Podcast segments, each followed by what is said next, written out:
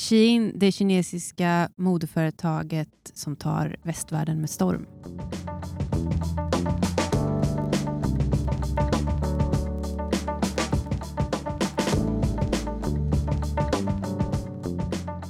Välkommen till Slow Fashion-podden. Jag heter Johanna Leiman och gäst idag är Moa Tjärnstrand och vi ska prata Shein.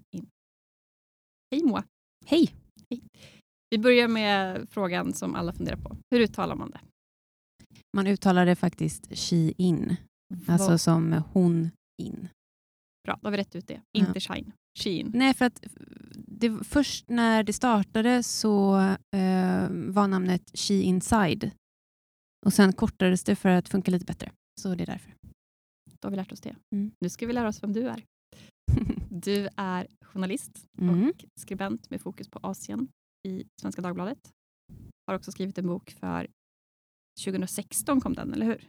Stämmer. Modeslavar som Mm. du skrev med Tobias Åkerblom. Tobias Andersson Åkerblom. Så, Ja. tack. Exakt. Berätta. Berätta, ja vad svårt. Ehm, jo, precis. Jag bevakar Kina och Asien för Svenska Dagbladet. Just nu är jag baserad eh, här i Stockholm. Och jag, eh, sen jag skrev boken 2016, eller den kom ut 2016, vi höll på med den i cirka 27 år innan dess kändes Den är det också som. värd att läsa fortfarande. Den har nog, eh, den, den åldras nog väl på många sätt kan jag tänka mig för att den bakgrunden är ju ändå viktig. Alltså det köttet är bra att ha på benen när man ska liksom titta på modevärlden eller konsumtion idag. Liksom. Man kan säga att det är massa olika, eller flera olika reportage där ni gör nedslag på olika platser ehm, utifrån hur modevärlden ser ut. Ni träffar Ja, precis. allt ifrån Borås och textilhistoria till att ni är i Bangladesh och träffar människor i produktion och så vidare. Ja, och vi försöker ju att på något sätt göra en koppling mellan, eh, eller på något sätt visa på den här bågen av liksom hur modeindustrin har utvecklats över tid för att på något sätt förklara varför vi är där vi är då, vid den tiden. Och sen, det var ju då ja, men 2016, så väldigt mycket har ju hänt eh, sedan dess. Och jag har fortsatt att bevaka modeindustrin eh, ganska mycket, skrivit för eh, Råd och Rön, skriver för tidningen Vi också ibland om, om saker relaterade till modeindustrin.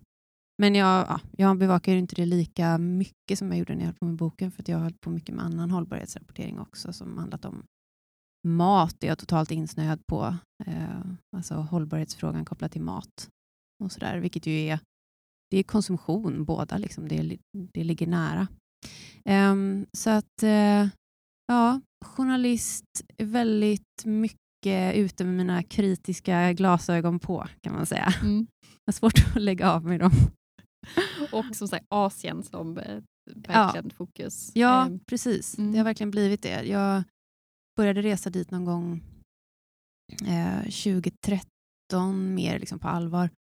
Och eh, amen, alltså, det är Asien, det är svårt att säga Asien, det är ju ett otroligt stort område. Men eh, jag tycker det är så otroligt intressant, allt som händer där. Och sen dess har det ju också utvecklats jättemycket. Jag menar, Kina och Kinas roll i världen. Eh, Men även, även Sydostasien och de andra länderna som finns runt omkring där. Det är superintressant. Jag, tycker, jag hoppas att eh, svenskar ska tycka det också, men det, det är inte alltid så himla lätt, för det ligger så långt bort liksom, för oss. Mm. Vi pratade mycket om det i, i det förra avsnittet när, jag, när Louise Sin var med. Och just det där att hon, har ju, hon är ju en aktivist med fokus där hon liksom lyfter just mänskliga rättigheter och eh, eh, situationen för uigurier i, i Kina. Och just det där kopplingen med att det är så långt bort och att det är en, det är en bortglömd eh, etnisk rensning som faktiskt pågår också.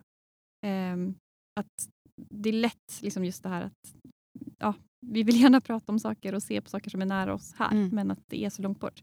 Men att vi snackade mycket om det, att det är ju inte så långt bort med tanke på väldigt, nästan typ allt vi konsumerar i Sverige i produkter, kläder, teknik och så vidare produceras ju eh, i de här länderna till exempel. Vi pratar om att, men vart kommer bomullen ifrån eh, och hur har den tillverkats till exempel, som vi har i våra tröjor. Ja, det finns risk för tvångsarbete till exempel. Ja, men så är det ju.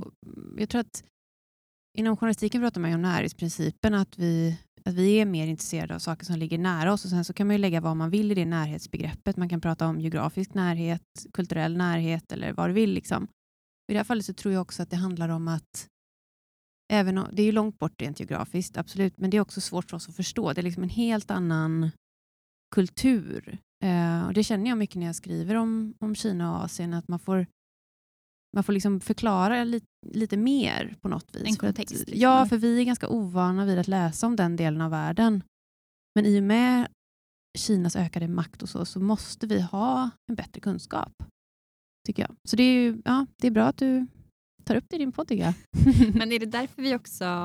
För vi ska prata om Shein Mm. och eh, det kan man ju inom modevärlden, textil, nu prata om att det är en maktfaktor som inte går att bortse ifrån. Verkligen. Eh, men jag kan rent krasst säga att jag har, som ändå jobbar med det här, jag har eh, inte skrivit om dem. Eh, för att de har liksom passerat lite på sidan. Man är, liksom, man är väldigt inne på de här vanliga, liksom, man pratar om fast fashion till exempel. eh, Ja, H&M eller Zara eller de här butikerna som vi har i vår närhet. Och så kommer det liksom någon, någon app och bara seglar upp och så bara, vad händer? Eh, och jag tänker att det är väldigt många som mig, att man liksom tänker så här, ja ja, det är så långt bort, det, det rör inte mig, typ, eller det är i periferin. Mm, Eh, det är inte så stort ja, egentligen. jag, och ser inte Mm. det i min, jag ser inte det i gatubilden, typ. Ehm, och nu helt plötsligt så bara, oj, nej, nu måste vi ha ett poddavsnitt om det här. Mm. För det, vi, ja, det är inte bara någonting i periferin. Liksom. Nej, de gick ju om, om det var nu i somras, så de gick om eh, Eh, Amazon som världens mest nedladdade handelsapp, eller om det var USAs mest nedladdade handelsapp. Det finns massa sådana här mått som används hela tiden, men summan av, av de måtten är ju att eh, Shein har vuxit supersnabbt, är jättestora, inte hos sådana som dig och mig i vår ålder, utan eh, har man ett tjejbarn som är 11 år så är chansen ganska stor att den eh, eh hon har tjatat om att få saker från eh, Shein. Så att det är ju där målgruppen är, så här, väldigt unga. Drivits mycket av TikTok. Absolut, TikTok har ju varit avgörande för Mm. deras framgångar och, och liksom vice versa på något sätt också. Det, För TikTok är ju också en kinesisk app, ja, eller hur? ja, precis. Mm. Det är det ju. Eh, Och Shein är ett kinesiskt bolag. Så, ja, Shein är ett kinesiskt bolag, TikTok kinesiskt, eh, men det heter ju Douyin i Kina, så det heter inte TikTok där, men det är ju samma eh, grundare, samma ägare och ja, samma algoritm och så vidare. Så där. Men de har ju tillsammans eh, ja, superladdat eh, det här nya, vad ska man kalla det för? Ultrasnabbt mode säger vissa, on demand fashion säger andra, jag vet inte, raketmode. Ul- Ultra fast fashion tycker jag Ja, är bra. nej men så här, otroligt eh, giftig cocktail eller framgångscocktail beroende på vilket perspektiv man tar. Mm. Men berätta då, hur, hur, vad gör de som är så Mm. framgångsrikt? Ehm, ja, vad gör de som är så framgångsrikt? Eh, det som de gör som andra, som snabbmodeföretagen eh, inte gör, det är att de eh, kan producera mycket snabbare. Så att de eh, producerar, alltså, jag läste någonstans att ägare, alltså det var Bloomberg som rapporterade om det, att ägaren hade en idé om att de som tillverkar kläderna, alltså fabrikerna som tillverkar kläderna, ska bara ligga fem timmar från eh, huvudkontoret i södra Kina. Eh, och man ska kunna ta plagg från idé till design och produktion och ut på marknaden på ja, om det var tre dagar eller något sånt där, helt otroligt kort tid. Liksom. Eh, men, och sen så har de ju också ett sätt att kunna följa trenderna och liksom plocka upp trenderna mycket snabbare. Och det är ju inte bara en, en affärsidé utan det är också liksom, den moderna teknologin har ju gjort det möjligt så att de använder sig av AI för att scanna vad är det folk vill ha. Liksom. Dels på sin egen sajt såklart men också eh, vad är inne nu. Liksom. Och så, eh, så ser de till att tillverka det, få ut det på marknaden fort som 17 och haffa de här kunderna som är intresserade av att det går snabbt Och till väldigt lågt pris. till väldigt lågt pris är ju, det jag skulle komma till, det är ju den viktigaste faktorn antagligen. Vad kostar ett plagg där? Eh, jag kollade precis nu innan jag kom hit faktiskt. Eh, vad var det? Det var någon rea på en tröja för 69 kronor tror jag. Men det är de Mm. den häraden. Alltså det, Nu pratar vi H&M är dyrt. Precis, absolut. I jämförelse så är det ju så. Mm. Och, eh, så det är, det, det är som det skiljer verkligen ut Shein och de företag, för det kommer ju företag och på något sätt inte kopierar men apar efter eller rör sig parallellt med den här, eh, det här stora, stora jätten. Liksom. Mm.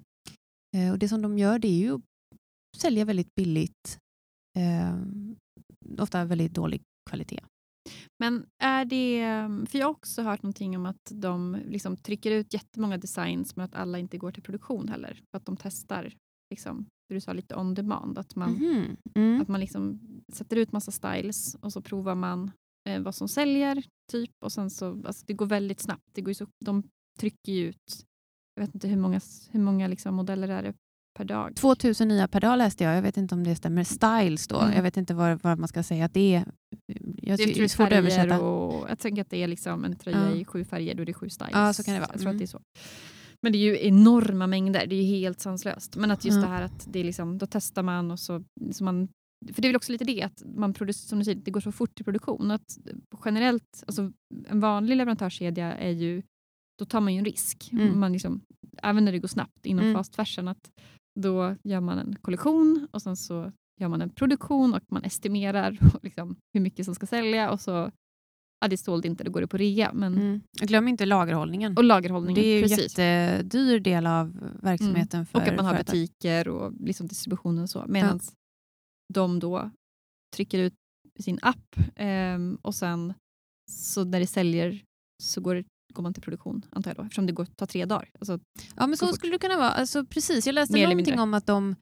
Alltså man ska ju säga, man ska säga också att det här är ett företag som är väldigt svårt att veta saker om. vi ska snacka mer om det. Ja, Trans- men jag vill bara säga det så att inte det Ja. låter som att jag inte Ja, att vet vad- är koll, dålig koll. Varför kollar jag inte bara på hemsidan? Liksom? Eh, där står det för övrigt inte någonting i princip. Men, nej, men, eh, nej, men jag läste någon som rapporterade om det här att, att, de, att de gör så som du säger, att de, eh, de gör en, en liten testballong liksom, av hundra stycken av en viss, ett visst plagg och så testar de och ser om det flyger. Och då fortsätter de att producera mycket och sådär. Så att, absolut, det är ju såklart en del i det här on-demand fashion, liksom att, att inte behöva lagerhålla eller rea. Nu rear de ju ändå så Mm. skjortan står rätt ut. Liksom. Men, eh, så det, för det är ju klart att de säkert också får viss eh, alltså, Mm. överskott såklart. Mm. Men, eh, ja, nej, men absolut. Och Det som de också gör som man ser om man går in på hemsidan, väldigt bra exempel på det är någonting som de har tagit från den kinesiska liksom retail, online retail eh, marknaden och det är en slags gamifiering typ av eh, shopping. Mhm. Alltså att det dyker upp någon sån här flashig kupong här och någon där och sen så inom, om du beställer inom 35 sekunder så får du den här rabatten och liksom eh, någon slags ja, men gamifiering tycker jag är en bra term för det. Att, Mm. eh, Då har de Mm. sin app på sin hemsida. Eller som ja, kanaler. precis. Men det är ju appen som är deras grej. Det är ju en annan del av affärsidén det här eh, som för övrigt också är direkt hämtad från den kinesiska marknaden där handla i appar eh, var vanligt mycket tidigare än det blev vanligt här om man säger. Mm. Och mycket större där än vad det är här också. De har ju en, en webbsida också. Men eh, det är ju appen som är deras grej. Jag kan tänka mig att den också som alla, många appar, alltså sociala medier, att den är, liksom, den är också byggd för att man ska fastna. Liksom, lite grann. Ja, säkert. Alltså, det är väl alla i höll jag på att säga. kombination med TikTok, att man liksom dras in i, i det där liksom också. På något sätt. Ja, verkligen. Och det, det som jag tycker är intressant med det är ju också att det är väldigt lätt att tänka sig att någonting som är billigt och, och som många har inte är så hög status. Men av någon konstig anledning så verkar det som att de har lyckats även med det. Att det är liksom inte fult att säga att du har Shein på dig. Men har inte de knutit till sig också så extremt liksom stora kändisar och den typen av också i marknadsföringen? Jo, det har de gjort i viss mån. Lands, så. Ja. Ja, du tänker att det beror på det? Ja, det kanske det gör. Jag vet inte. Det, Nej, jag har är funderat också mycket på det, att de Mm. ändå har lyckats där med den eh. Liksom. balansgången. Ja. Intressant. Ja. Men, ehm, och sen har de ju, vi pratar just med varför de håller låga priser. vi ska prata om andra faktorer också, Mm. men bara för att förtydliga, att de har ju inga butiker någonstans utan allting skickas ju då från Kina direkt till privatperson. Precis, Mm. så är det. Och Det här gör ju också, då, det kommer vi, tror jag vi kommer komma in på, det gör ju att man också kan runda då lite krav som kanske finns på företag inom EU till exempel. Tänker Ja. kemikalielagstiftning, eh, olika typer av liksom, transparens och den typen av saker. Eh, som du nämnde det att det står ingenting på deras hemsida. Så vad vet man om företaget egentligen? Inte mycket, skulle jag säga. Mm. De har ju fått ta emot lite kritik nu senaste året, framförallt eh, kring just eh, ja, det- här vanliga, som, den så att säga vanliga kritiken som handlar om arbetsförhållanden i fabriker och sådana saker. Eh, löner, eh, men även som du säger gifter. I det här fallet var det väl eh, det, kvicksilverspår som hade hittats i kläderna av någon sån här watchdog-organisation som hade gjort tester och sådär. Ehm, så att svaret är man vet inte speciellt mycket alls. Man vet att det grundades eh, men man vet inte ens exakt eh, när. Det är lite olika sådär 2008, de säger själva 2012. Eh, Man vet vem grundaren är men han förekommer med lite olika namn. Han ger aldrig några intervjuer. Ehm, På sajten går det ju inte att se det som många snabbmodeföretag faktiskt har sedan ett antal år tillbaka, näm- nämligen listor över fabriker och så. Leverantörslistor. Ja, Mm. exakt. Det finns ingenting sånt. Mm. Eh, det är ju mer eller mindre, jag skulle nästan säga att ja, men seriösa snabbmode och modeföretag har ju det idag. Eh, här skriver de inte ens var de ligger då, men de ligger ju i södra, södra Kina, runt Guangzhou där. Eh, men vi vet inte. Vi vet inte vad de har för eh, code of conduct, alltså uppförandekod. De, skriver, de säger själva när de har fått kritik att de har liksom skarpa, de ställer skarpa krav. Den typen av saker säger de ju, men det är ju väldigt Floskler, svårt. typ. Eller som man inte... Eller Ja, eller är de Eller- sanna är de väl inte floskler, men det, problemet är ju där att de Det är ju- det är ju svårt. heller kanske då. Nej, och det är också väldigt svårt att faktiskt Mm. granska när det finns otroligt lite information. Vi vet inte ens vad de omsätter eftersom att den typen av information behöver de inte eh, dela med sig av. För det här är ett privatägt bolag. Det är ett privatägt bolag och moderbolaget är registrerat i Hongkong. Ja, och då är det inte heller... Alltså, det är inte börsnoterat eller liksom, det finns Nej. inga sådana att man kan liksom begära ut. Eh, Nej, precis. I Hongkong kan du begära ut viss information om företag, men det är i och med att Hongkong anses ju globalt vara en, ett skatteparadis och då i ett skatteparadis eh, affärsmodell så ingår ju att hålla mycket hemligt såklart. banksekretess. Ja, ja men du vet framförallt så här, eh, framförallt summor och ägare och sådana saker. Men eh, nej, så att egentligen vet vi inte speciellt mycket alls. Men i att vi inte vet så mycket då så kan man ju dra vissa slutsatser eller man kan spekulera. Nu ska vi säga, du är ju journalist. Du vill ju inte spekulera. Nej, vi gör ju helst inte det. Berätta lite om den, den rollen bara så att vi har den Ja. kontexten. Ja, precis. Nej, men, eh, när man som jag skriver om den här typen av, av frågor som handlar om eh, hållbarhet och mänskliga rättigheter och ansvarstagande och sådana saker så, så tycker jag att det är väldigt viktigt att, att vara väldigt tydlig med var, var mina gränser går. Liksom, jag är journalisten, jag är den personen som åker ut i världen, eh, försöker berätta hur det ligger till, eh, vis, be, belägga det med fakta eh, som är väldigt noga kontrollerad.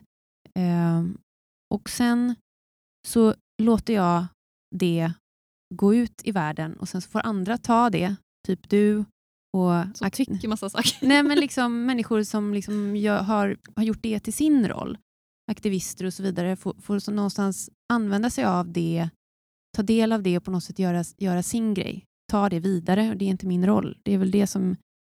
ehm, och just när man håller på med sådana här saker så kan det vara att man nästan förväntas att ha en hel massa åsikter om det också. Det är klart att jag menar, jag är människa. Ehm, jag kan inte, har jag lärt mig och förstått någonting kan jag ju inte oförstå det. Jag kan tänka mig att man ofrånkomligen blir berörd när, man träff, när du träffar människor att intervjua och jag tänker som i boken Modeslavar och så vidare. Men Absolut. Mm. Alltså, och när jag har hållit på nu mycket med matfrågan, jag menar det, det har förändrat mig som människa också, absolut. men, eh, men att hålla på och vara aktivister, det är inte min roll. Liksom. Så, Mm. ja. Mm. Det var det långa svaret. Jag tycker det är intressant. Alltså, Mm. För att som sagt, vi, det måste ju vara svårt också då. För nu ska vi prata om någonting som, du, som, som det inte finns fakta om. Och jag anar att det är också en strategi från deras håll. Säkert. För det är svårt att bli granskad när det inte går att hitta något. Ja, så är det ju. Eh, och någonstans så får jag liksom vibbar från back in the day när det var många företag som kunde operera på det sättet eh, och komma undan med det. Liksom. Men idag om du tänker dig i väst, men ja, om vi tar liksom i Sverige, det är ju få företag som skulle komma undan med att inte visa åtminstone en viss transparens. Mm. Men se, alltså, det är dels tror jag att det är så, men sen är det också att det här är ett kinesiskt företag. Eh, de är, säljer inte i Kina, det ska vi säga. Kineserna har ingen aning om vad det här är. någonting. Varför då? Eh, ja, jag vet inte. Det har ju, de har ju aldrig själva berättat om varför, men jag, när jag har pratat med experter för olika reportage jag skrivit om, om Shein, så har de varit inne på att det har handlat om att Kina som land är inget bra varumärke. Så att de tänker liksom att om folk i väst vet att det är ett kinesiskt företag så kommer de vara mindre intresserade av att köpa från det. Mhm. Det är ju samma sak med TikTok. Eh, det är ju ganska, alltså, det är ju inte så att de ropar ut information om att de är ett kinesiskt företag. Nu vet ju kanske många det eftersom att det har varit mycket diskussioner om det i samband med, eh, och framförallt i USA kanske och sådär. Men även de är ju ganska, ligger ju lågt med den infon. Och eh, de här experterna som jag har pratat med är inne på att det är samma orsak med Shein då, att man, man vill hellre bara vara, eh, bygga sitt varumärke fritt från den bakgrunden. Liksom. Men det är, det är intressant med tanke på att det också är en extremt stor marknad. Ja, Att man, Verkligen. väljer att, inte, att man väljer att gå på annat. Ja. Så. ja, det är jätteintressant. Mm. Det, man hade ju velat veta vad orsaken till det är. Och Det kan hända att de går in på den kinesiska marknaden, men det, det här som, som jag sa tidigare, eller var inne på lite tidigare, så är det här en, ett, eh, ett sätt att sälja kläder och prylar som kommer från den kinesiska marknaden. Liksom. Det är ju copy-paste lite grann på hur de jobbar. Så där kanske, Eller har man andra konkurrenter där då? jag skulle precis säga det, Ja. så där tror jag att man kanske hade haft en annan konkurrenssituation. Ehm, Men nu är man först ut. Liksom. Ja. Att, ja. Precis, och i USA, alltså det bara exploderar ju Shein där. De har kört såna här pop-up-butiker nu senaste månaderna i olika amerikanska städer. Bland annat var det något ställe i Texas där folk hade liksom kommit och köat från sex på morgonen när butiken skulle öppna klockan tolv. Och var någon kille som hade friat till sin tjej utanför för att hon älskade Shein. Och du vet, så att det, liksom, det, det ska, har skapats någon slags kult som, ehm, ja, som, som många nog har missat, liksom, som verkligen har vuxit sig så stark. Men vi har ju också samtidigt... eh, Det här, det, som, det också tror jag att lite det här att det har liksom växt, vuxit i periferin eh, är ju att vi är väldigt fokuserade på att prata om generation Greta. Ja. Typ. Och att vi, eh, vi svenskar, det här är min åsikt då, Du får, eh, vi, vi har en självbild av att vi, vi gillar hållbarhet och vi är otroligt duktiga på det. Och, eh, som du sa, att så här, svenska företag har ändå liksom en verklighet att förhålla sig till. att ja, För 15 år sedan då kom man undan med att lägga locket på. Liksom. Mm. Eh, att, jag vet att jag hörde det från något, en hållbarhetschef som, som sa det att ja, men för 15 år sedan så var vi mer så här, om Uppdrag granskning ringer, vad gör vi? Det var vårt hållbarhetsarbete. Okej, Typ. Alltså, det var på den nivån. lägg till att, på. ja, men till att man idag är väldigt proaktiv och liksom så här, men vi driver de här frågorna och så vidare. Eh, så att, och jag har också hört det från eh, men, via föreningen för Action så träffade jag Babul Akhtar som eh, är ordförande för en koalition av jättemånga textilfackförbund i Bangladesh som sa det att ja, men man kan se liksom, att företagen som tillverkar för den västerländska marknaden har generellt bättre arbetsvillkor för att det finns mer tryck från hemmamarknaden Mm. än de som tillverkar för den inhemska marknaden. Att det finns liksom den typen av att det finns ändå liksom en, en uppmärksamhet kopplat till det. Och att vi har en Absolut. bild av att vi är väldigt duktiga och så vidare. Samtidigt händer det här med Shein. Mm. Vad, Mm. vad, vad är det? Mm. Ja, men det var faktiskt min, eh, det var min stora fråga när jag började skriva om det här. Jag har skrivit ett antal reportage i olika sammanhang. Eh, men det var just den frågan. Liksom, men hallå, vad hände? Så här, är det inte generation Greta nu? De är ju, de är ju de som ska ta ansvar. Liksom. Men då pratade jag med en eh, forskare eh, på Handels i Göteborg. Hon var liksom inne på att ja, den finns, men det pågår två parallella utvecklingar. Dels har vi den, liksom, de som är intresserade av hållbarhet, som är rädda om, liksom, om klimatet och oroar sig mycket för det. Sen har vi digitaliseringsutvecklingen och den är liksom minst lika stark och driver på så hårt så att vi, har liksom, ja, så att vi ser två olika spår helt enkelt. Och Jag håller med om det. Jag, jag Men tror har, att det är med, precis så. har media då på något sätt så här, att man har valt liksom det narrativet som har varit passat självbilden bättre? Vi vill, Eh, vi vill ja. att generation Greta ska vara som där. Typ. Eller så, eller så har den här lilla spaningen, kan det vara så att de som skriver om det lever i den verkligheten? Alltså förstår jag menar? Det är väldigt lätt att titta runt sig i sin bubbla och så får man uppfattningen om eh, att alla kids är som Greta Thunberg. Men det Mm. råkar ju vara för att det är de som finns i ens närhet som, som är sådana. Alltså det, jag, jag menar liksom att det, jag går också på det. Det är väldigt lätt. liksom. Du, Eh. hör jag lite kritik mot journalistkårens bristande mångfald här? Ja, nej men så är det ju. Absolut. Det, det tror jag att vi alla kan skriva under på. Men så är det definitivt. Alltså. Jag tror att eh, vi är också människor och eh, nej man får vara jätteförsiktig med det. Men det gäller inte bara journalister givetvis. Det är ju alla som har någon form av makt måste ju bemöda sig om att liksom lyfta blicken och ifrågasätta sina egna eh, sanningar. tror jag. Men, jag. men jag tror att det är så. Så var det nog för min del också. Att jag, har- jag har inga egna barn. Eh, mina vänners barn är ju liksom inte 11 år, de är så här små. Mm. Så att jag hade ingen liksom, referenspunkt av någon Shein, något Shein-barn. Eh, Bara att det finns det som begrepp. jag hittar på det nu, men, men, jag, men, men, men jag tänker att det, vi kan mynta det nu för att eh, det är så pass vanligt ändå. Shein-generationen. Ja, faktiskt. Alltså jag intervjuade två 12-åriga tjejer eh, för Svenskan när jag gjorde ett reportage som handlade om just TikTok och Shein i kombination. Eh, och de, eh, men de tyckte redan att de var färdiga med Shein. De hade liksom gjort det. Nu var de lite för stora för det. De berättade ju om sina vänner som håller på och grejar med Shein jämt och gör shoppinglistor och försöker övertala sina mammor att få köpa det och sådär. Mm. Så det, det är på riktigt. Det händer. det händer. Men vad är det som är... Vad är tjusningen då? Är det just att man kan få mycket för lite pengar? Jag tänker att det här är ju också... ehm, I avsnittet med Louise Sinn så pratade vi om det att liksom, gemene man är ju... Alltså, eller gemene person, man vill ju göra gott. Och jag tänker modebranschen är ju verkligen ett sånt här exempel där man å ena sidan, det är ganska... De flesta av oss vet ju hur industrin ser ut. Ändå så agerar vi ju inte så som konsument. Och jag tror att må, väldigt många, även 11-12-åringar, okej okay, okej, alla kanske inte känner till det, men jag tänker att många ändå gör det. Eh, man är en empatisk person och så vidare och ändå så handlar man. Eller är det det att vi inte vet hur det ser ut och tänker att det kanske inte gäller dem?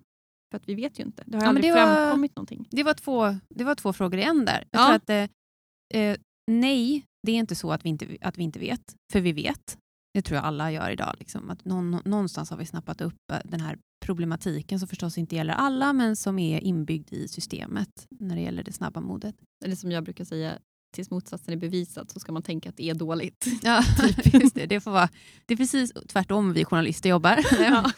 Nej, men, eh, men däremot så, så tror jag att eh, däremot tror jag att det finns en väldigt stark ingrediens av att man vill man går på vad som helst.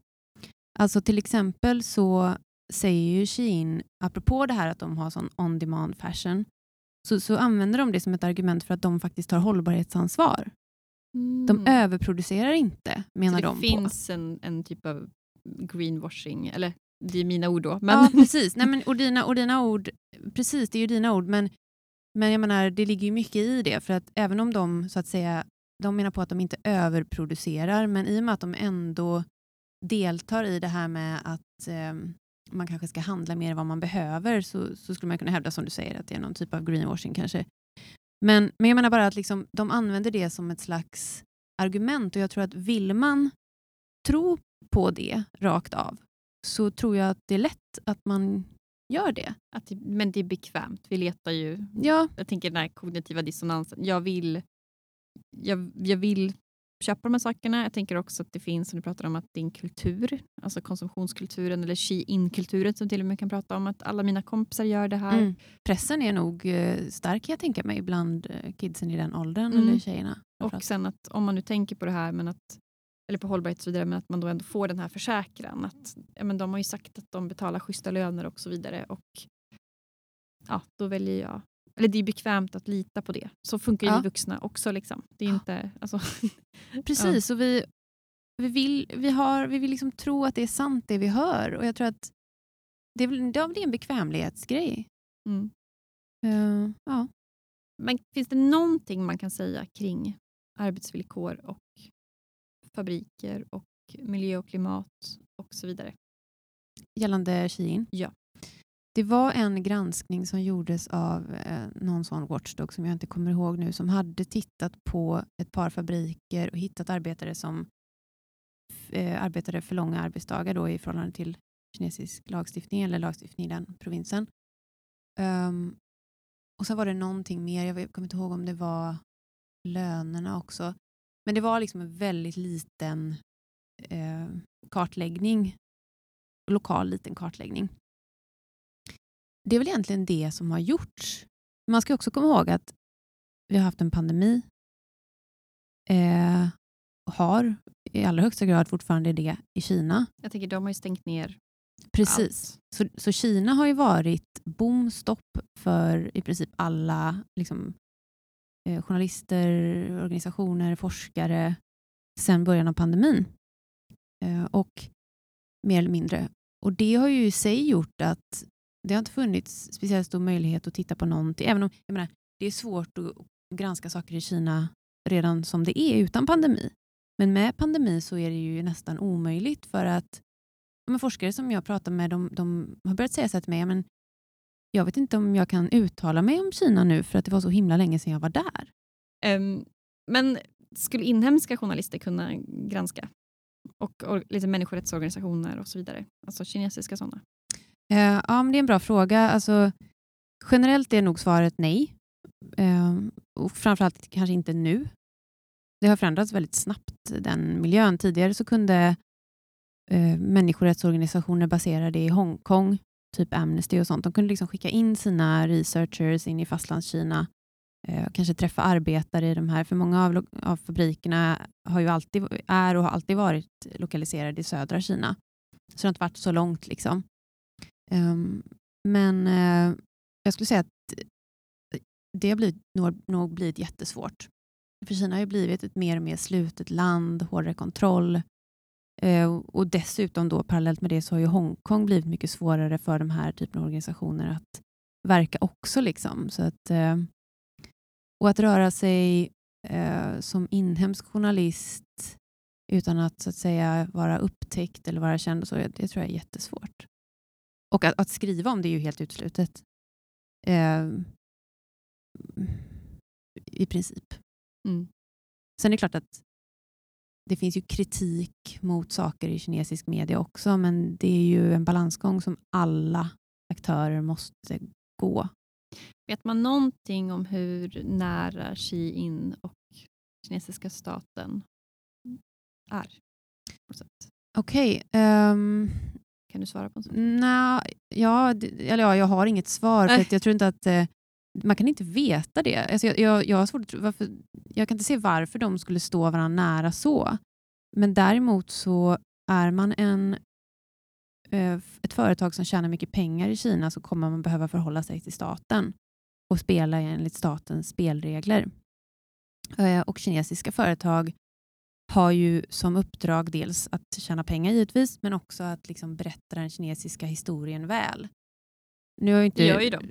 Ja, det kan man man ju säga. säga, fastän de berättar ju inte att de är kinesiska. men men, men de, eh, de gör ju bra business. Liksom. Skapar arbetstillfällen. Skapar Sen kan man ju tycka vad man vill om eventuella arbetsvillkor. Då, men Ja, ja och, vi, och vi vet ju ingenting om Nej. dem. Och jag, jag vill liksom gärna trycka på det ibland, för vi vet att folk är ofta fråga så här, varför är det viktigt att ha listor över fabriker och sådär. Och då, Det är ju just för att journalister eh, eller aktivister ska kunna veta var de ska åka och fråga arbetarna om läget. Eh, men också för fackförbund och sådana saker. Så att, men har man inte fabriker, jag menar, du frågade om inhemska journalister kan göra, eller eh, NGOs kan göra granskningar. Det blir ju ännu svårare om man inte vet vart man ska göra dem. Mm.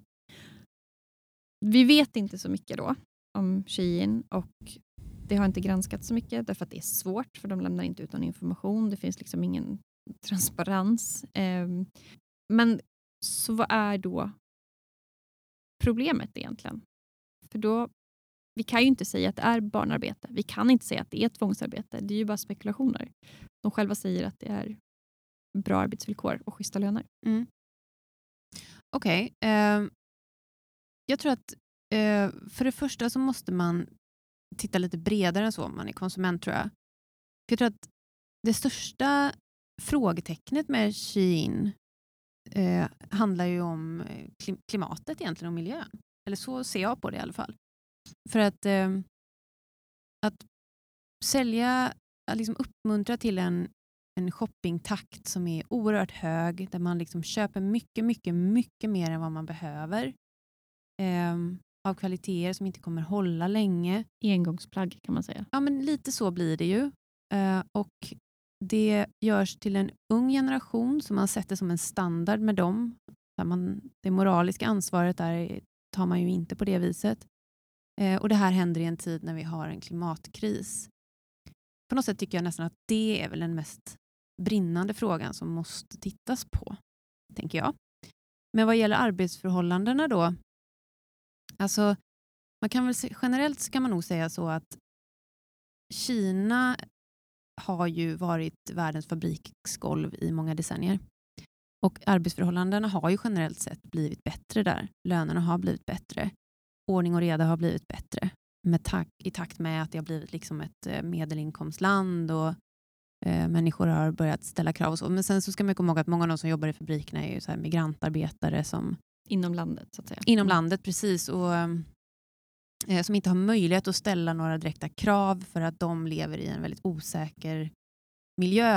Eh, men, men, generellt så tror jag att om man jämför med till exempel men säg ett land som eh, Myanmar då, eller Bangladesh för den delen, så, så är det ju, jag skulle tro att det är sannolikt bättre förhållanden i de flesta kinesiska fabriker av de här orsakerna som jag räknade upp nu.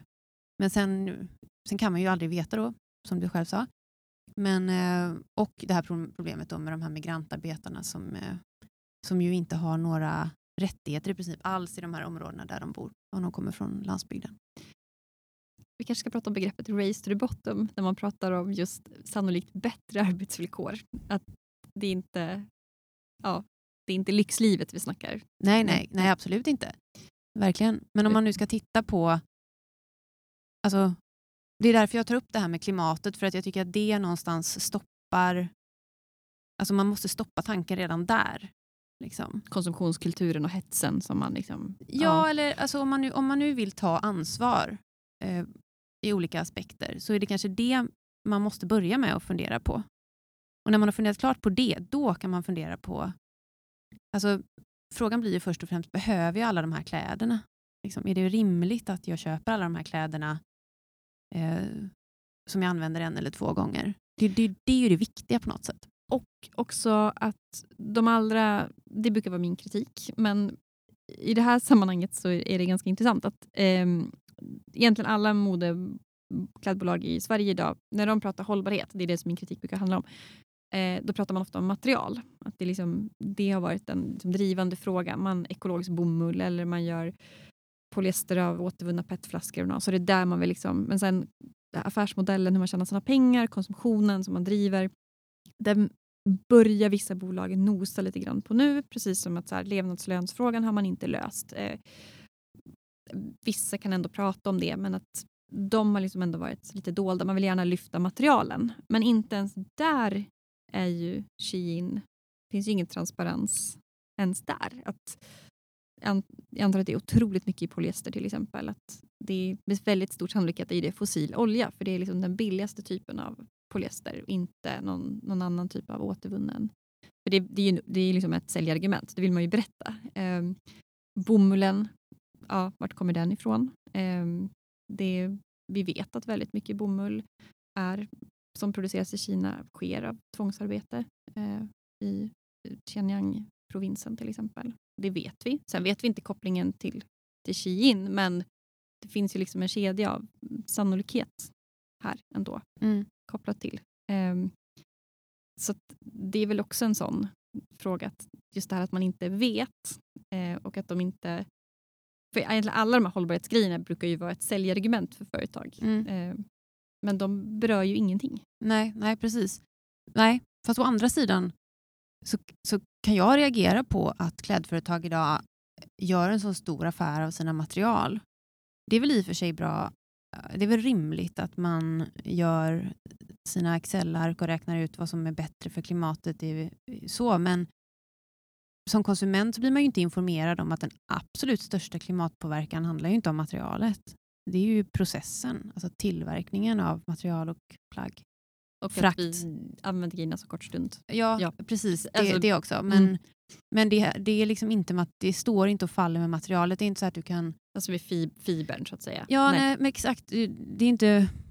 Om du köper något i ekologisk bomull så kan du köpa hur många som helst med gott samvete. Det, är inte riktigt så som eh, då, förutsatt då att du vill ta ansvar. Liksom.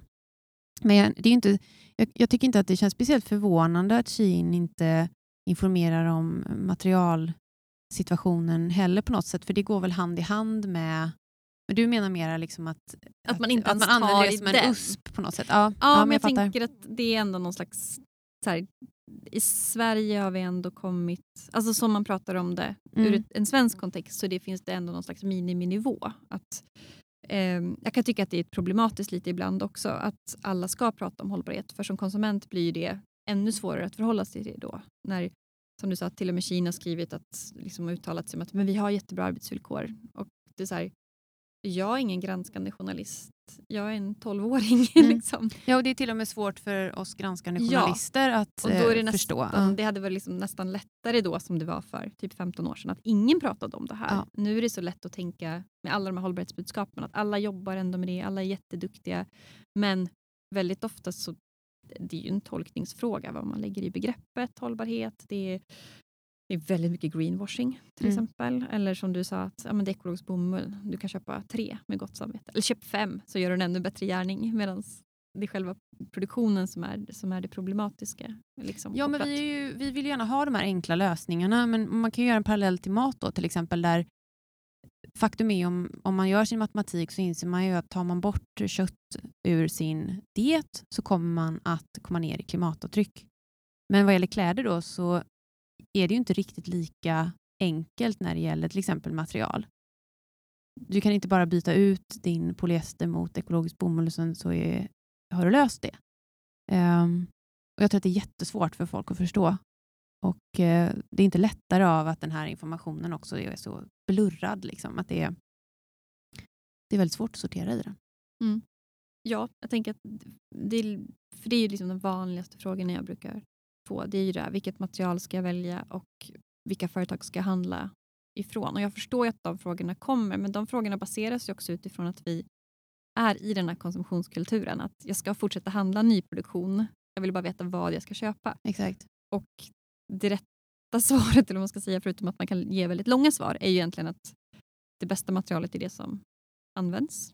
För att det är ett komplext ämne. Och jag vet ju att det svaret man vill ha är ju välj ylle framför polyester. Typ. Men det är ju inte riktigt så det funkar. Nej. Precis som så här, välj det här företaget framför det här företaget. Och det bara, Ja, den frågan har jag fått hundra miljarder gånger. Ja, och det är inte heller riktigt så. Det var det jag menade med att, att jag låter så himla cynisk, men att just det här att det är nästan bättre att utgå från att problemen är liksom ja, men, låga löner, miljö, klimatutsläpp och så vidare. Att det är liksom en standard i branschen och sen finns det de som gör annorlunda. Men att vet man ingenting så är det med stor sannolikhet tyvärr så det ser ut. Det är lätt som konsument att annars tänka om jag inte hört något så är det bra. Att, ja, men lite utifrån journalistrollen där. Mm, Att, mm. Ja, men som sagt, och det är ju det som jag tror händer med Shein mycket. Att man, man hör deras nekande när de får kritik och så tänker man att att det nog är lugnt.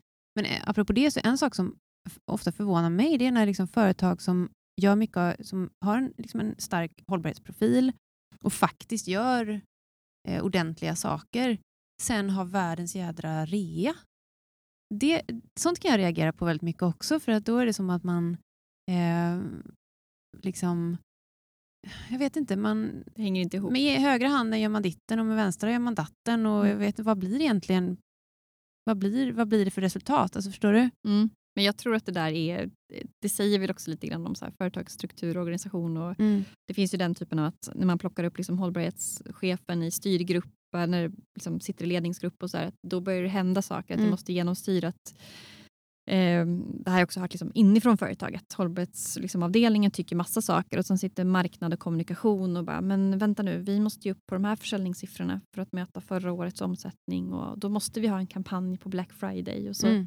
så bara, men vänta nu, nej, det, det, rimmar inte alls med vad vi håller på med på hållbarhet. Liksom. Eh. Ja, men så var det verkligen när vi skrev boken, att man kunde stöta på i informella sammanhang hållbarhetschefer. Jag vet vi träffade någon någon gång, det var länge sedan jag pratade om det här nu, men som som vi pratade med på någon fest och så sa han liksom att, att det var så jobbigt så ibland så ville han bara dö. det, var, jättehemskt. Det var för att, och det här, då får man komma ihåg att det här var 2014, 15 när vi höll på med boken. Att han stångade sig blod in, internt? Liksom, ja, att, att, liksom att utrymmet för eh, hållbarhetstänkandet och så var så litet av den stora kakan.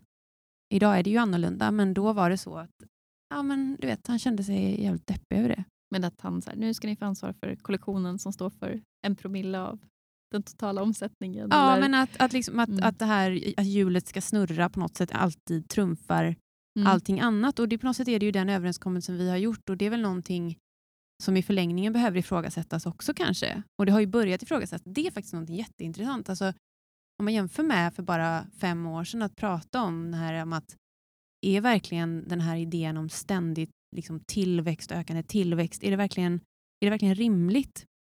Vi pratar ju mycket mer om det idag mm. än bara fem år sedan. Jag tänker överhuvudtaget, just med, som jag sa med moderbolag, att man faktiskt vill att, innan vill man inte ens ta i frågan med tång, det här med affärsmodellen. Att det, är liksom, det är ju det som mm. brukar vara min återkommande kritik. Att så här, men ni pratar jättemycket om era material, ni pratar om massa olika saker, men hur tjänar ni era pengar? Det är, liksom, det är där vi hela tiden hamnar. Tjänar ni pengar på mycket nytt ofta, då kan ni inte prata om hållbarhet. Nej. För att det är liksom lite där. Men, så här, men har ni en strategi på att förflytta en del av omsättningen till cirkularitet i form av ja, second hand eller inte jag, lagringstjänster eller vad det nu kan vara. Att man liksom ändå, eller att man rent krasst också så här, typ höjer sina priser för att minska volymerna. Mm. Alltså att man får lite högre marginaler, man drar ner på reor. Alltså det finns mm. den typen av logistikplanering också för att man att man börjar vrida på alla saker. Liksom. Det är därför man blir så förvånad, för att återkomma till det vi sa någon gång i början, att det är därför man blir så förvånad över att företag som Shein kan göra en så stor succé. För att man har någonstans trott att, eller man har tänkt lite grann att vi har kommit någon vart i de här diskussionerna, i faktainsamlandet, i faktagranskandet, eh, att lägga ihop ett och två. typ. Mm. Men jag tror också att man måste ju titta på den stora kontexten. Och Shein har ju vunnit sina framgångar i en tid där vi har haft pandemi. Folk har suttit framför sina mobiler, de har varit hemma, de har studerat hemma, om man tittar globalt. Liksom. Haft mycket tid. Haft mycket tid. Eh, nu ska de fortsätta att växa i en tid när vi går in i en eh, lågkonjunktur. Eh, allting, alla våra fasta kostnader, eller alla liksom kostnader i vår hemma blir svindyra. El, kanske transport, du vet, eh, folk upplever att de har dåligt med pengar och då kommer de kanske bli ännu mer intresserade av att köpa kläder billigt eller unna sig. eller Jag vet inte. Alltså jag tror att de här sakerna eh, tror jag spelar eh, Kini, eller ett företag som Shein i händerna också. Liksom, att det passar bra i, i deras utveckling. Jag tror att också det är därför de har nått så mycket framgång. Jag ska vara ärlig och säga att jag har typ medvetet inte velat prata eller eller orkat så här, prata eller skriva om dem för att jag också blir så deppig över den här utvecklingen.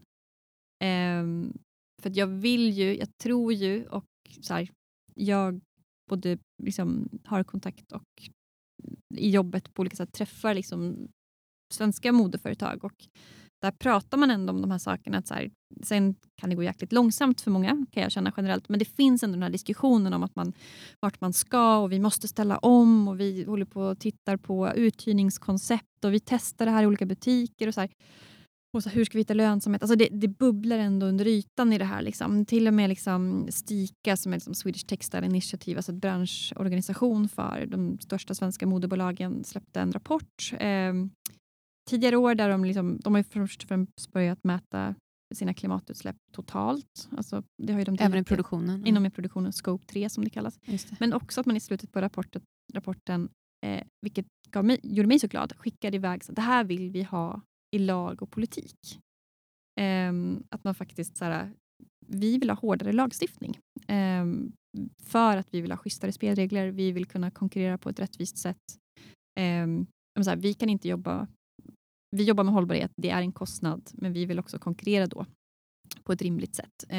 så att när, liksom, när marknaden själva börjar ifrågas, eller liksom efterfråga mm. ja, lagstiftning, ja, uh. då tänker jag så här, det gav mig hopp. Eh, och då är det så mycket skönare att titta på, på det där än att titta på ja, Shein.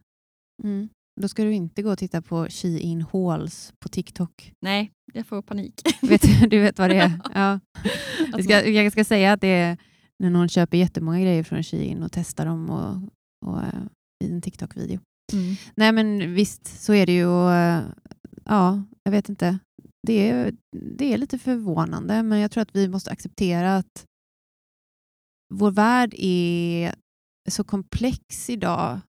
Alltså det finns inte bara en utveckling. Eh, det finns många parallella och det här är en av dem. Och Sen så får man väl börja fundera på hur man ska förhålla sig till det. Ja, mm. eller vad, vad, vad som behöver göras. Alltså lagstiftningsmässigt då kanske, eller, eller informationsmässigt eller jag vet inte. Jag, jag känner, jag, under alla de här åren jag varit ute och föreläst och så, där, så har jag tänkt liksom också att det, det finns ett hopp. Alltså det finns Människor har skaffat sig information och sådana saker. Men eh, sen tittar jag runt mig och inser att eh, det är inte riktigt eh, så enkelt. Liksom. Mm. Men vad, eh, vad skulle kunna... Alltså, som Kina har ju verkligen hittat en lucka i marknaden. Eh, jag tänker samtidigt som bara det här med eh, ja, men exempelvis att det är man köper därifrån och så är det en direktimport. Så att, mm. Det vill säga att de förhåller sig inte till europeisk eh, kemikalielagstiftning till exempel. Vilket kan vara, eh, tänker jag, väldigt viktigt att veta eh, för ens 11-åring som ja, att man inte riktigt vet vad som faktiskt hamnar i kroppen. Ja, de har väl bebiskläder också tror jag. Ja, så det ska man ju, om man är lite orolig för det här med kemikalier så ska man mm. verkligen ja, nej, men tänka ju, på det. Så är det ju. De, de importerar ju de skickar ju direkt från fabrik till konsument. Det är också en annan orsak. Eller det är också en del av deras ja, att, det, att, det, att de sparar in pengar på det.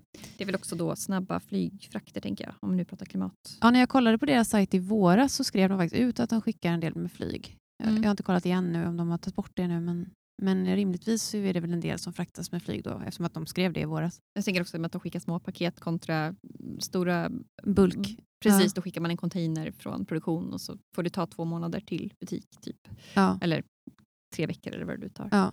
Men en annan, eh, en annan konsekvens av, av det, eh, det sättet att skicka och, och leverera är ju att Kina har liksom vunnit på det här handelskriget mellan Kina och USA. Um, för när, Kina, när USA införde tariffer på kinesisk import så undantog man eh, små billigare paket.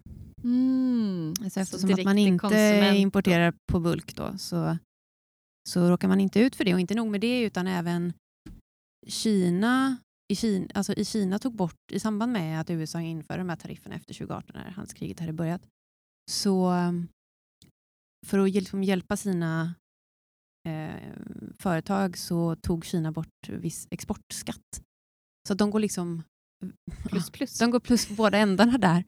Vilket också är intressant. Alltså det är ju klart, det är, det är en annan det är inte en konsumentaspekt så som kemikalier är, men fast, det är intressant. Fast det är ju också, utifrån det är det ju också, det här är ju då från mitt perspektiv, om man nu tänker att man har, liksom, om man matat ett monster nästan. Att det, liksom, det är verkligen så det, är så. det är så stort så det går typ inte ens att förstå hur stort det är. Men att det också har, alltså det har också växt utifrån eh, som sagt luckor, som du sa, som en sån sak. Att det finns ju också då, eh, jag kan tänka mig att många företag så generellt, kanske inom EU och så vidare, att man, man inte heller då verkar egentligen på, man verkar inte efter samma regler eller samma liksom marknad. Eh, vilket gör det också ganska orättvist. Liksom. Att det är klart att om man ska förhålla sig till europeisk kemikalielagstiftning då måste man ju ha kontroller inom produktion och så vidare. Allt det här kostar ju. Och så kommer det någon frifräsare och liksom bara kör, kör förbi. Eh, det är klart att de grejerna kan vara mycket billigare. Liksom. Mm. Ja, de har ju kuppat systemet på så vis, mm. men det är ju, ingenting, det är inte otillåtet. Utan... Nej, men det är det jag tänker att det känns som att det ändå det är ju inte en fri, fri marknad egentligen då eftersom man ändå har olika spelregler. Mm. Um, och Det står ju fritt, jag menar H&M och Sara att börja skeppa på det sättet också, men det skulle de ju aldrig göra. Mm. För de skulle inte kunna eh, alltså antagligen ställa om och få ekonomi i det på det sättet, antar jag, utan att vara ekonom. Mm. Eller varumärkesmässigt. kanske inte är så himla. Ja, eller jag menar logistiskt. Mm. Jag tror att det är svårt att bygga upp en sån mm. infrastruktur. Mm. Mm.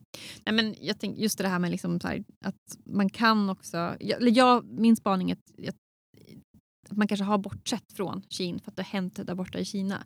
Men att just med de växer så, så kommer det också bli en tydligare diskussion kring det här. Att det kommer finnas liksom en andra incitament eller eh, ett intresse eller press på att skapa mer schyssta spelregler. Och då pratar vi just, ja, men just lagstiftning och den typen av, av saker. att jag vet inte vad det är, alltså så här, allt ifrån att allt som kanske skeppas in i EU ska förhålla sig till eh, kemikallagstiftning exempelvis. Eller eh, vi berörde lite grann, alltså just det finns ju en del lagförslag inom EU till exempel eh, med ja, att man ska ha koll på sitt leverantörsled och eh, den typen av saker. Mm. Eh, och att det kanske också, det är inte helt orimligt att det också ska innefatta allt som kommer in på en marknad. Nej, Nej precis.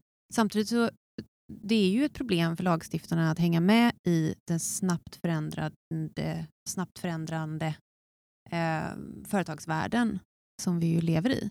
Alltså det räcker att ha varit i Bryssel en gång så förstår man varför det är, är svårt att få det att gå fort Snabbt. där.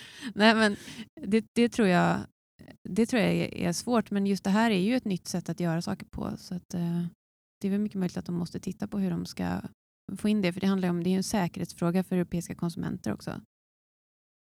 Verkligen. Mm. Ska vi, eh, det börjar lida mot slut. Jag gillar inte att lämna folk i fritt fall och känna sig deppiga. på tal om den här liksom utvecklingen då. Mm. Eh, vad, vad, vad vill vi skicka med? Vad tänker man? Um, ja, men som du vet så, så har jag, säger jag alltid nej till att ge så att säga tips. Um, quote unquote. Mm. Eftersom att jag inte tycker att det är min uppgift, jag är journalist. Men jag ska säga en sak. Uh, och Det handlar egentligen bara om hur jag tänker. Uh, jag tänker att när jag köper saker så tänker jag att jag ska använda det minst i tio år. Jag vet inte vad du tycker om det. Om det, det känns bra. rimligt. Ja, men, men barnkläder, tio barn. Ja, Eftersom de växer ut. ja, precis. Nu har jag inget barn då. Så att... men, eh, nej, men, eh, nej, men det är så jag resonerar och det ger som resultat att jag aldrig eh, köper, skulle köpa någonting spontant utan jag lägger väldigt mycket eh, tanke bakom. Du är motsatsen till ultrafast fashion hör jag, i din process. Ja, jag tror det. Och jag, det, det handlar, det handlar, ja, precis. Det handlar säkert väldigt mycket om hur jag är som människa. Att jag, att jag, jag måste göra jättemycket research för att fatta mina beslut. Liksom. Men eh, det är, jag tror att det är att ta med sig det kan, ja, det kan vara något som kanske mm. väcker en tanke hos folk. Nu, alla som lyssnar på den här podden är ju givetvis redan, det är ju kören så som det är. Liksom. Mm.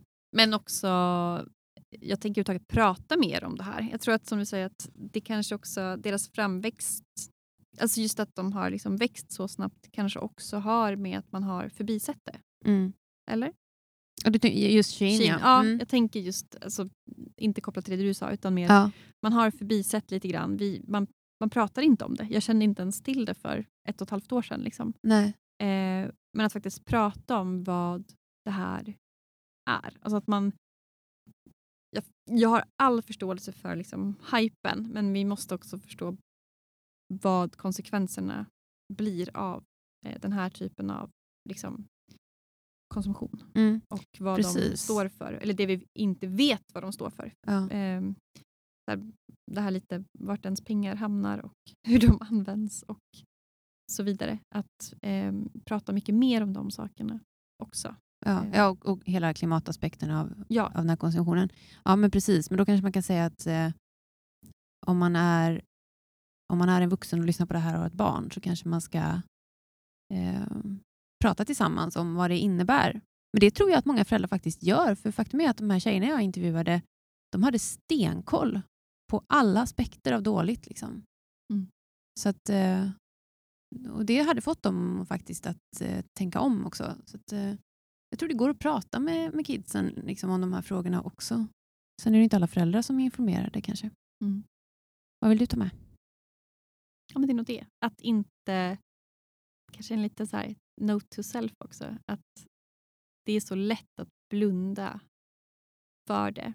Både för att det liksom har skett lite i periferin, för att det omkullkastar lite den branschen som man är i, för att man är så van att titta på mm, typ den svenska gatubilden till exempel. Och så kommer det någon som bara, "Åh, TikTok, vad är det? Jag vet, alltså, här generationsfråga. Liksom, fråga. eh, men också det är jobbigt att tänka på det. Så kan jag känna. Ehm, just för att det är den här parallella utvecklingen mot det som jag vill att det ska vara. så. Men att det är också viktigt att prata om det. Att det är de här parallella sakerna. Men det kanske också i det att skicka med det. Det är också hoppingivande sak att det är parallella saker. Ehm, det alltid är parallella liksom, utvecklingar jämt. Ehm, och här kan väl jag, det här kanske är lite off topic men ändå förhoppningsvis lite hoppgivande, hoppingivande. Ehm, och jag försöker tänka väldigt mycket på det. Att det man läser, nu kommer en känga till ditt skrå här, men Mhm, mm. när man läser liksom, det som är en nyhet är ju oftast någonting ganska jobbigt. Eh, det är lätt att liksom fastna i här, allt hemskt som händer för att man läser om det i tidningen. Men det är för att det aldrig skrivs om liksom, långsamma utvecklingar, positiva utvecklingar. Liksom. Det skrivs aldrig om, om det utan det är, liksom, det är mer intressant att skriva om ett, ett, brask, välja ett braskande narrativ liksom, som är en... Ja, och då är det väldigt lätt att... Jag kan känna själv att det är lätt att bli liksom nedslagen ibland av att man tycker att allt går åt fel håll och så vidare. Men att det är också väldigt många saker som går åt rätt håll och att det är parallella utvecklingar. Och jag, jag, mm, till exempel de vi tar Kina som ett exempel, att de växer väldigt fort. De, eh, de går liksom stick i stäv med vad vi tänker kring transparens och eh, klimat och så vidare. Men så här, det kan också vara en bubbla. Det vet vi inte. Det är inte så att vi har pratat lite om som att de ska kommer ta över världen och, och det är så det kommer vara. Liksom. Men det vet vi ju inte. Det kanske är när folk slutar vara hemma och scrolla och man kanske tröttnar på sociala medier eller som du sa, tolvåringar som kände sig klara. Mm. Ja, det är väl, då är det ett antal andra företag som också får gå den vägen i sådana fall. För det kommer ju verkligen många som liknar. Men absolut, nej men, och jag tror att det där som du sa om, om journalister och att vi inte skriver om de positiva långsamma utvecklingarna, det ligger mycket i det. Men jag, ska, jag vill ändå bara säga att det, Till det ditt försvar. Nej, inte, inte till, jag skriver faktiskt om sånt ibland. Men, nej, men till det allmänna försvaret så kan man väl säga att det är någonting som vi vet. Och det pratas om det. Vi diskuterar det och sådär. Det är, det är svårt där i medialogiken. Det finns mycket annat att förhålla sig till. Och det är, ja, Mm. Jag håller med dig om att det är problematiskt. Det är det. För vi kan missa det som faktiskt är hoppfullt och, och som går vår väg. Liksom. Så med det sagt, prata mer om Shein. nu har ni lärt er hur man uttalar det också. Eh, och tänka tio år per plagg. Och då är frågan om uh, Shein passerar det testet. Det får någon gärna prova. Mm. Tack snälla Moa för att du var med. Tack så mycket. Och tack till dig som har lyssnat.